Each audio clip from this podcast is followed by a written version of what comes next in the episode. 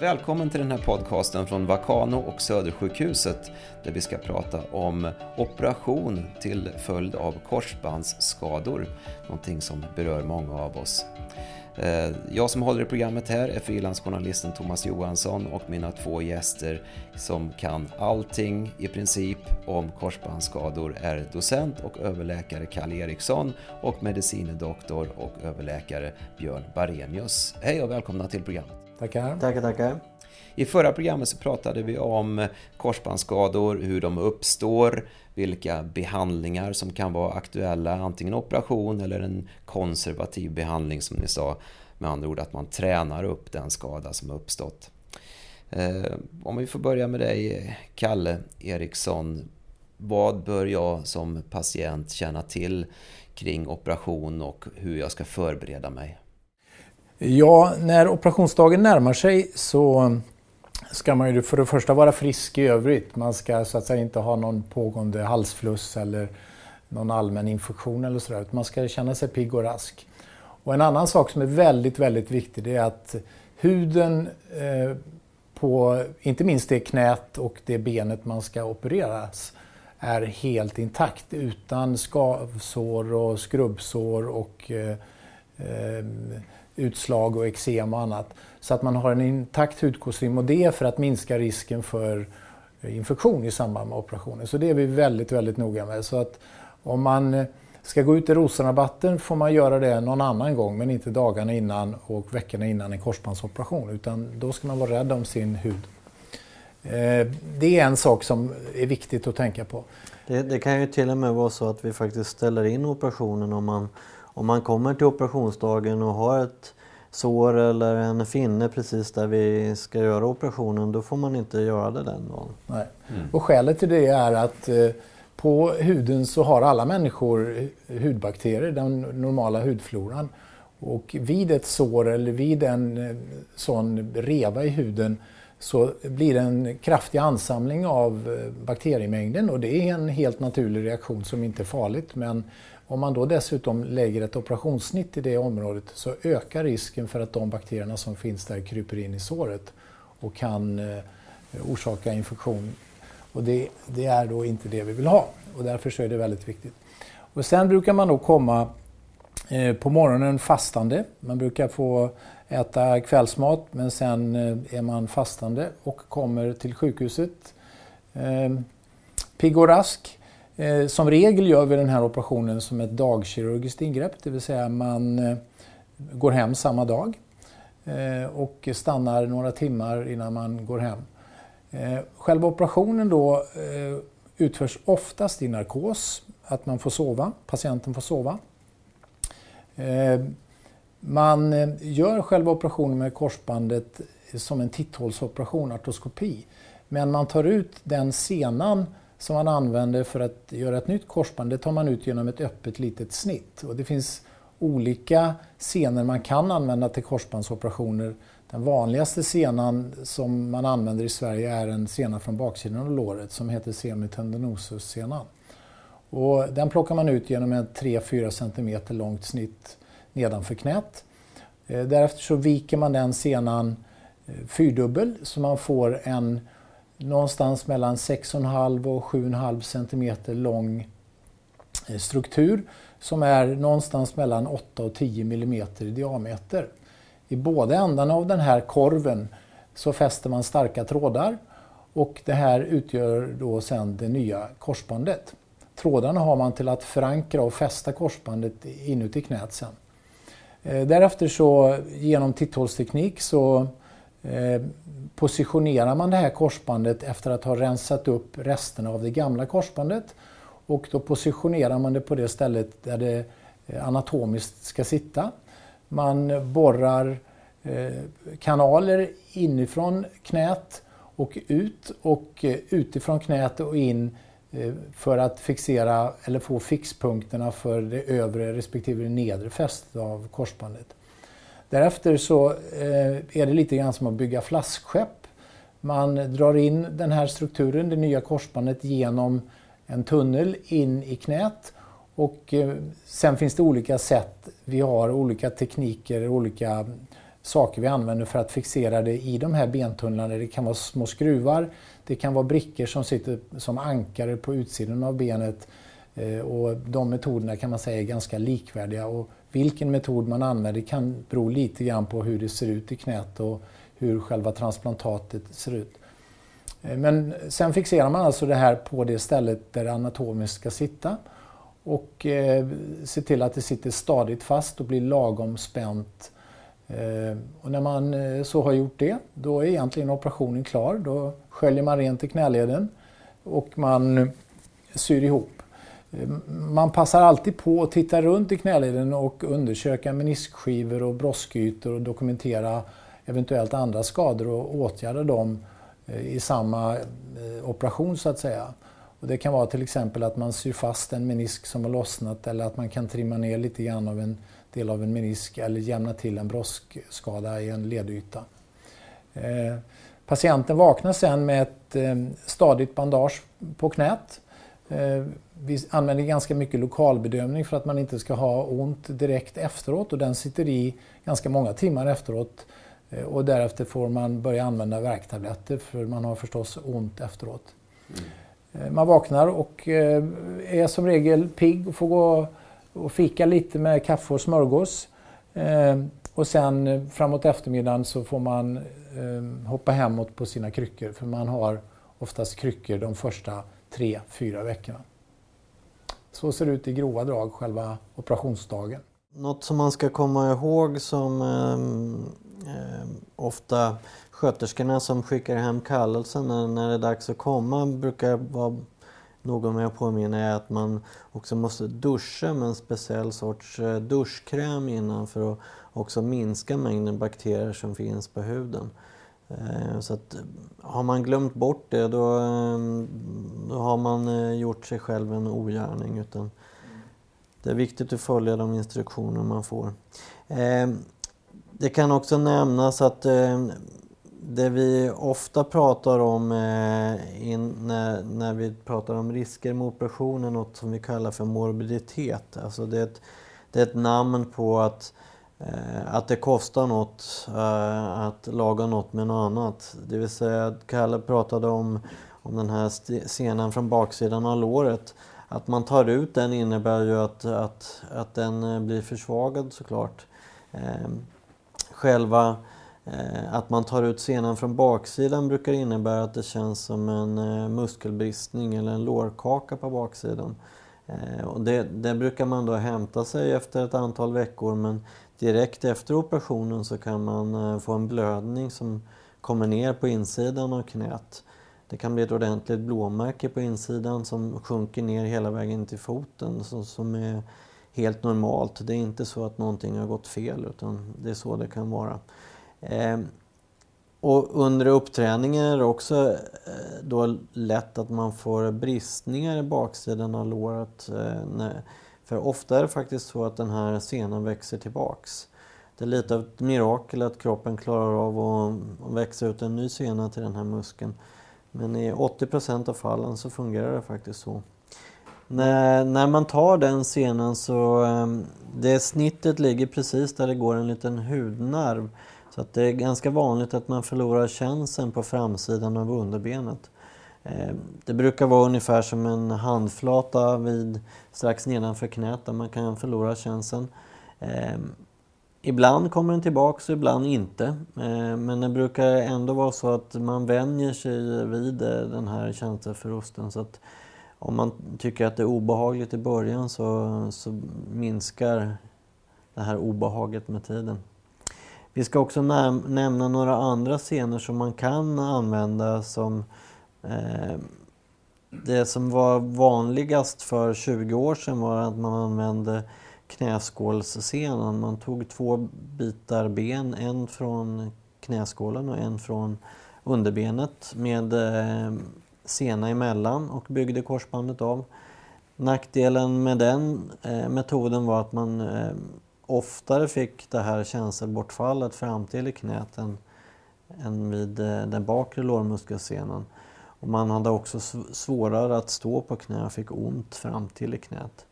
Men eh, fördelen med den eh, är att den kanske växer in lite fortare så att den har blivit lite mer populär igen nu.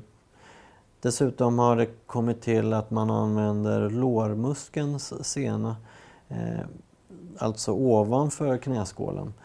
Eh, så man kan ta en, antingen en bit av bara senan eller en bit av både knäskålen och senan och bygga ett korsband av. Eh, också en bra sena där man också har mer ont på eh, framsidan av benet och är svag i lårmuskeln. Men som ger ett eh, starkt och bra korsband. I Sverige så eh, har man genom åren, inte minst på 80-talet och 90-talet, också provat olika syntetiska korsband. Och många människor undrar, finns det verkligen inget syntetiskt? Måste jag ta en sena från mig själv?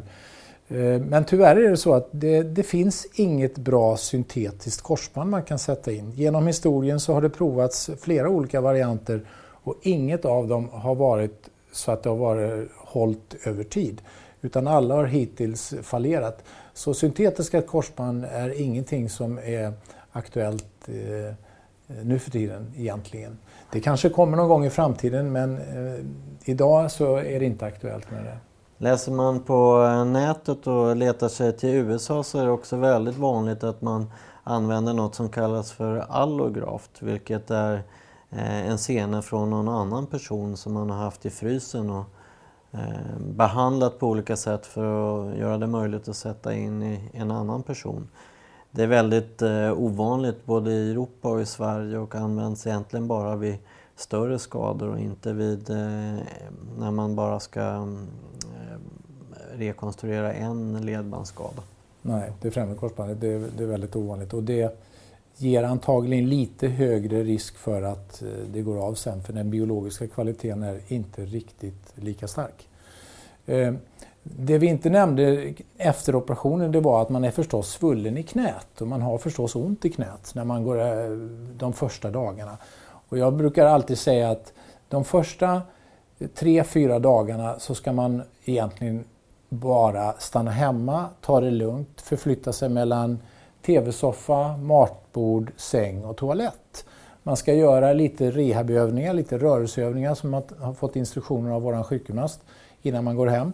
Men man ska ta det väldigt lugnt för att är man uppe och går omkring för mycket och är för aktiv då kommer knät svullna upp mer och man får mer ont och man tappar egentligen lite grann rehabtempo. Så de första dagarna ska man ta det försiktigt och låta kroppen återhämta sig och låta svullnaden gå ner.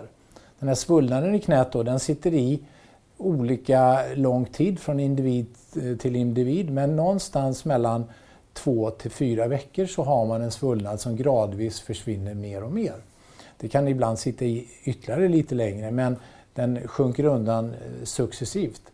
Och i takt med det så får man också igång sin rörlighet mer och mer för i början är man ganska stel och kan som regel inte böja knät mer än kanske eh, 70-80 grader och sen blir det 90 och sen kommer man över 90 och så småningom så tränar man upp rörelseförmågan mer och mer. Och det är det som den primära rehabiliteringen syftar till. Det är framförallt att få igång rörligheten och eh, få tillbaks muskelkontrollen. Eh, så att det är viktigt att känna till att man inte går från sjukhuset som man går från tandläkaren där man har lagat ett hål utan man får ta det lugnt. Och man är som regel sjukskriven om man har ett kontorsarbete åtminstone en, två, kanske tre veckor. Eh, om man har ett tyngre kroppsarbete då är man sjukskriven mycket, mycket längre eftersom man inte kan varken lyfta tungt eller belasta i eh, stor utsträckning. Till exempel en brandman måste antagligen vara eh, ute eh, från sin tjänst i åtminstone ett halvår innan man är tillbaks på jobbet och gör brandmannasysslor. Man kan tvätta brandbilen men man kan inte släcka bränder och klättra i stegar. Mm. Jag håller helt med dig Kalle. Och jag, eh, jag brukar säga till mina patienter att, att första veckan eh, är superond. Att de, eh, de, kommer tro, de vet att de kommer ha ont men att eh, oftast är det ondare än man räknade med den första veckan. Men det, det är helt normalt. Dessutom så är många rädda för att man ska få blodpropp. Och när man första dagen är uppe och ställer sig så den vätska som vi har haft i knät den rinner ofta ner i vaden så att det kan svullna till lite i vaden. Och det, det är inte en blodpropp utan ehm, det är just den här vätskan. Så det, det är inte heller något som man behöver vara, vara så eh, rädd för att det svullnar till i vaden de första dagarna. Det, jag brukar också säga att det är bra om man beställer tid hos sin sjukgymnast så att man kan komma dit kanske en vecka efter operationen. För mycket av eh, resultatet bygger ändå på att man tränar upp sig efter operationen. Så att det är viktigt att man kommer dit tidigt och börjar ta tag i rörelseträning och styrketräning. Mm. Eh, ett par saker till om det här med smärtlindringen. Eh, hur ont man har är väldigt, också in, är väldigt individuellt också. En del har väldigt lite ont medan andra har väldigt mycket ont. Och det gäller att hitta liksom sin nivå och då använda de här smärtstillande medicinerna man får de första dagarna i lagom mängd och försöka eh, Eh, eh, äta eller ta medicinerna strax innan man får riktigt mycket smärta. För om smärtan väl har hunnit bryta igenom då, då har man mycket sämre effekt av smärtstillande. Så man får vara lite taktisk när man äter medicinerna eh, de första dagarna så att man inte ligger ett steg efter hela tiden. Det är lite viktigt. När det gäller blodproppar då, så kan man säga att vi har ett vårdprogram, en strategi där vi eh, Eh, vid en vanlig korsbandsoperation där vi räknar med att folk är uppe och rör på knät, vi räknar med att folk är uppe och går fast man har kryckor och belastar, eh, eh, inte har någon egentligt stor risk att få blodpropp. Men om man har någon riskfaktor för att få blodpropp, då ger vi profylax i form av att man får ge sig själv ett litet nålstick med en spruta i magen i tio dagar efter operationen. Och de riskfaktorerna som finns med i det programmet där till exempel eh, om man har någon eh, genetisk, någon ärftlig benägenhet för blodproppar i familjen. Det finns vissa gener som, eh, som eh, en del familjer har där man har en något ökad risk för blodproppar. Eller om man har haft en blodpropp tidigare kan också vara en riskfaktor. För eh, tjejer som äter östrogentillskott, till exempel p-piller, så är det också en så kallad riskfaktor som gör att man vill ge en sån här profylax mot propp. Men om man inte har några extra riskfaktorer så, så behöver man inte någon sån profylaxmedicin utan då räcker det med smärtstillande och att vara rörelseaktiv som vi har pratat om. Du sa att man får med sig smärtstillande hem. Är det tyngre grejer än Trio? Ja, det är det. Eh, man får recept på eh, som regel en kombination av både eh, Alvedon-liknande mediciner, paracetamol, men också starkare mediciner som är mer morfinbaserade. Eh, som då förstås man bara ska ha de första dagarna när man har ont och sen ska man trappa ner dem gradvis.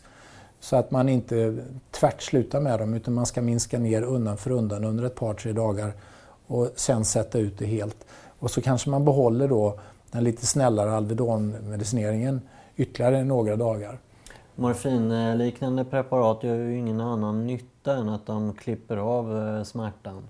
Det finns ju ganska mycket biverkningar av, eh, av sådana starka mediciner. Både illamående och förstoppning och trötthet och liknande.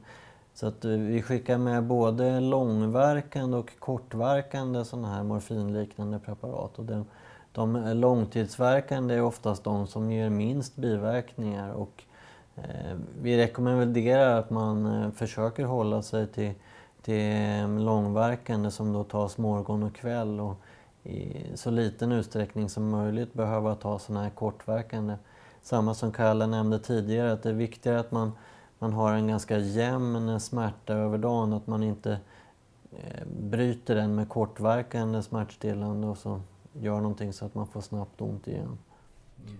Finns det någon risk i att man som Patienten måste laborera med det här själv? Det är ju lite bedömningar som, som ni pratar om här beroende på hur man känner sig och vad man bör ta. Är det tydligt, framgår det tydligt när man får de här medicinerna att den här bör du använda på det här viset och så vidare? Ja, det, det står på receptet att, eh, hur man ska ta dem. Så, och sen brukar vi gå igenom det också innan man går hem. Va? Och så brukar även en sköterska gå igenom det med patienten innan man går hem. Men känner man sig osäker på det dagen efter, vad var det de sa egentligen? så ska man som patient absolut höra av sig. Vi har det dessutom så här på Södersjukhuset så vi har en sköterska som ringer upp våra patienter dagen efter och kollar läget och eh, hör efter om allt är okej okay och om det är någon information som de har missat eller, eller som de behöver få återupprepad. Så, så att eh, det är viktigt att man vet vad man stoppar i sig och hur och när man stoppar i sig det. Och man ska inte kombinera de här medicinerna med alkohol eller, eller motsvarande. Utan då får man hålla sig till medicinen när man har ont och sen när de är borta så får man ägna sig åt vad man har lust med. Och det kan vi klippa bort den där sista. Ehm, efter operationen är det ju så att man går till sin sjukgymnast och jobbar på. Det kan vara så att man behöver göra det flera gånger i veckan, eh, åtminstone i början. Vi har, här på Södersjukhuset har vi normalt sett eh, en kontroll när det har gått ungefär sex veckor. Då, då de allra flesta har fått tillbaka en ganska normal rörlighet. Så att röra sig och gå och promenera ska gå ganska eh, besvärsfritt. Eh, då kontrollerar vi att eh, träningen ligger bra i fas. Ehm, och sen eh, efter det så kommer en mer styrketräningsfas in i rehabiliteringen. Något som mina patienter ganska ofta frågar mig om som brukar komma då i fasen mellan sex veckor och sex månader är att det knäpper och knakar. Eh, I knät och det är ganska vanligt efter en eh, operation att det knäpper och knakar. Har du något bra förklaring på det Kalle? Ja, som regel handlar det om att eh, när det har funnits en blödning i knät, som det alltid finns efter operationer i knät, det blir alltid en blodansamling och sen så sugs det där blodet tillbaks i kroppen och då bildas det ibland lite små ärrstråk på insidan av knät. Och när man då böjer och sträcker det där knät med lite ärrstråk som sitter där och inte funnits tidigare så upplevs det ofta som knäppningar och knakningar. Och sånt upplevs också starkare när man har förlorat lite grann av sin muskelkontroll eftersom då blir kompressionstrycket i knät lite högre. Eh, så ju, ju bättre muskler man sen tränar upp och eh, ju mer tid som går så brukar de här knäppningarna och knakningarna försvinna över tid. Och vi brukar säga att knäppningar och knakningar som inte ger smärta eller som inte ger någon mekanisk egentlig påverkan, låsning eller så. Det kan man eh, låta bli att bry sig om helt enkelt. Mm. Jag tror också att eh, personligen att det eh, kan hänga ihop en del med hur symmetriskt lårmuskeln eh, används. När man tappar muskelstyrkan i låret efter en operation så är det oftast förmågan att sträcka ut det sista som man tappar och det är den muskeln som jobbar på insidan av låret den håller också in knäskålen lite så att har man tappat den muskelstyrkan så spårar inte knäskålen precis som den brukar vilket kan göra att det, det låter lite mer från knäskålsleden vilket är ofarligt men kommer försvinna då när man har fått tillbaks den muskelsymmetrin. Och då kommer vi in på en annan väldigt viktig grej i början eh, efter operationen. Och det är det här med att försöka hitta sin muskelkontroll av framsidans lårmuskel. Så att eh, många gånger så vill eh, patienter lägga en kudde under knät och ha knät lite lagom lätt böjt för det är det bekvämaste läget för ett knä. Eh, men man ska vara lite försiktig med det där och hellre i början anstränga sig för att försöka verkligen kunna sträcka ut knät rakt och fullt. För att lättare kunna hitta sin lårmuskel, för att lättare komma igång med den sen när svullnaden börjar klinga av. Så vi brukar avråda från att man har kuddar under knät och ligger med det böjt. Man får förstås böja knät, det ska man. Men man ska inte palla upp massa kuddar och ligga och gotta sig för länge. För att då blir det lätt så att det blir svårt att få den här slutsträckning som vi brukar prata om och då tappar man återigen tempo i rehabiliteringen för att man hittar inte sin muskel lika snabbt som man sen behöver för att få kontroll och koordination av knät. Är det några rörelser som ni vill av råda ifrån strax eh, efter en operation. Och nummer två är hur mycket bör man fresta på? Ni säger att det är bra att komma upp på benen så småningom, men kan det bli för mycket? Ja, det, det, kan, det kan bli för mycket om man framförallt är uppe och, och går mycket och lägger mycket viktbelastning eh, längre tid på knät. Då, då kan det eh, bli en svullnad och en ökad eh, irritation i knät. Eh, man får ju lov att stödja, man får ju lov att belasta men kryckor brukar vi säga ska vara en hjälp under tre till fyra veckor som understöd när man går och belastar inom komfortzonen kan man säga.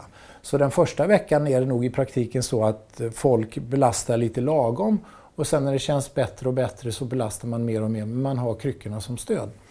Eh, när, man, eh, när man då rör på knät så, så, tränar man ju som regel utan belastning, det vill säga man ligger i sängen och böjer och sträcker och man sitter på en stol eller på en sängkant och böjer och sträcker. Och där finns det egentligen ingen begränsning. Där kan man böja och sträcka så mycket som det känns bra. Men det är klart, man ska inte börja göra knäböj med belastning i början. Det, då skulle eh, så att säga, knät bara göra mer ont och det har man ingen nytta av. Så man kan säga rörelsebelastning och rörelseträning utan för mycket tyngdbelastning är bra. Men för mycket tyngdbelastning eh, irriterar knät just när det är nyopererat. Dessutom är ju stötar något som eh, knän inte gillar så mycket när de är nyopererade. Så att, eh, olika former av att snabbt springa till bussen eller eh, hoppa eller sådana rörelser, det, det är väl dumt. Eh, sen ska man väl kanske undvika att vara ute och halka och och um, gå ner i spagat och översträcka knät precis efter en korsbands... Man ska förstås undvika att vricka knät igen. En annan grej som vi inte har tagit upp som, som jag tror många undrar över det är eh, det här med såret och duscha. Eh, de här små såren från titthålsoperationen de är antingen bara tejpade eller så sitter det något enstaka stygn i dem. Och det här såret eh, där man har tagit senan eh, kan man sy antingen med stygn som man måste plocka bort på vårdcentralen efter två till tre veckor eller om man har sytt det med stygn som försvinner av sig självt. Det får man information av eh, sin doktor om hur det är sytt. Men under den här första läkningsperioden på i alla fall tre veckor så bör man inte blöta ner knät. Så det innebär att Eh, man bör ha någon plastbandage när man duschar. Oftast är de här plåstren som man sätter på duschtäta. Men jag brukar ändå rekommendera att man lägger på eh, till exempel gladpack eller plastpåse eh, så att man inte blöter ner bandaget så att det inte kommer in fukt utan man håller det där tätt och sterilt som det, som det är tills man ska ta bort stygnen eller titta på såret efter eh, två, tre veckor. Mm. En annan sak som är viktig som man kanske inte tänker så mycket på eller helst inte vill tänka så mycket på är just det här att vi kan få infektioner efter eh, korsbandsoperationer. Och, eh, om man är så olycklig att man drabbas av det så är det oftast efter en knapp vecka till eh, tio dagar efter operationen som man märker av det. Och, eh, som regel eh, brukar det ge sig till känna att det gör mycket mer ont. Det har börjat göra mindre ont och så börjar det plötsligt göra mer ont. Man kan eh, bli röd och mera svullen eh, i såren och runt knät. Det kan börja läcka från såren. Och man kan även få feber och känna sig allmänt dålig. Och det, då är det bråttom kan man säga, så då ska man inte gå till sin vårdcentral och gå och fundera för mycket utan då vill vi gärna att man hör av sig in till sjukhuset. För det, det kan vara så att man måste eh, opereras på nytt för att stoppa infektionen. Mm. Och då, då brukar vi göra på det sättet att vi spolar knät eh, upprepade gånger och i de allra, allra flesta fall så kan man med det spola rent knät och häva infektionen i kombination med antibiotikabehandling då som man får eh, ha under ganska lång tid, flera veckor, till och med ett par, tre månader ibland efter. Vi ger ju antibiotika som profylax inför operationen också. Eh, och dessbättre så är infektionsrisken väldigt, väldigt liten. Den är klart under 1 procent, men den är inte noll. Mm. Ganska många frågar mig också när man kan få gå tillbaka och spela fotboll eller liknande. Ehm, och det råder delade meningar om. En lång period ehm, på 90-talet och även in på 2000-talet så har man strävat efter att få korsbandsopererade tillbaks i idrott fortast möjligt. Men det tror vi kanske numera att det är, är fel. Att det, det, tar längre tid än man tidigare trott för korsbandet att verkligen integreras i kroppen. Så här på Södersjukhuset så, så rekommenderar vi att man åtminstone väntar till eh, man har varit på återbesöket vid sex månader. Och oftast så kan man inte återgå i full idrott förrän vid 9 till 12 månader när man återfått full styrka och även korsbandet tål att återgå till idrott. Så bra, då börjar jag som eh, patient känna mig redo för operation här. Nu har jag fått med mig mycket. Har ni något sista slutord innan vi avrundar? Eh, ja, alltså jag, jag, tänker på det här med förväntningar av eh, eh, operationen. Och förväntningarna av en operation ska förstås vara höga för i de allra flesta fall så blir folk och patienter nöjda och kan återgå till det man vill hålla på med och man upplever att knät är stabilt och jag har inte behövt försaka några speciella intressen. Men det är klart, ett skadat knä en gång med en sån här allvarlig skada innebär ju ändå ofta att man har en något ökad känslighet. Man har en liten akilleshäl. Man får vara lite rädd om sitt knä. Man får ge det lite extra kärlek. Man behöver inte oroa sig eh, sådär jättemycket extra. Men man får på något sätt eh, förstå att eh, eh man har, man har eh, ett, ett lagat knä som eh, kanske inte tål vad som helst, hur som helst. Så man får ha en viss respekt för den skada man har haft och det man har gått igenom. Mm.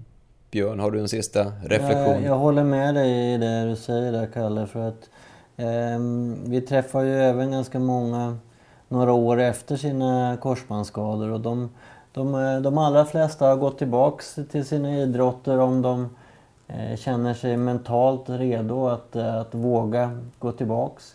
Men eh, de flesta beskriver ändå att man man känner av det knät mer efter idrott. Eh, det kanske är det som, eh, som säger ifrån först. Ja. Så ut, utan, det går inte, skadan går inte omärkt förbi. Mm. Man får vara lite street smart som man säger. Exakt. Vad bra. Stort tack för att ni ville dela med er av er fina kunskap, docent och överläkare Kalle Eriksson och medicinedoktor och överläkare Björn Barenius. Och jag som höll i samtalet är alltså frilansjournalisten Thomas Johansson. Tack ska ni ha. Tack. tack, tack. tack. Du har lyssnat på en podcast från informations och utbildningsportalen Vakano och jag som ledde det här samtalet heter Thomas Johansson. Vi är tacksamma för dina synpunkter på programmet Kontaktuppgifter hittar du på vakano.se och där hittar du också andra intressanta poddar och artiklar. Välkommen dit!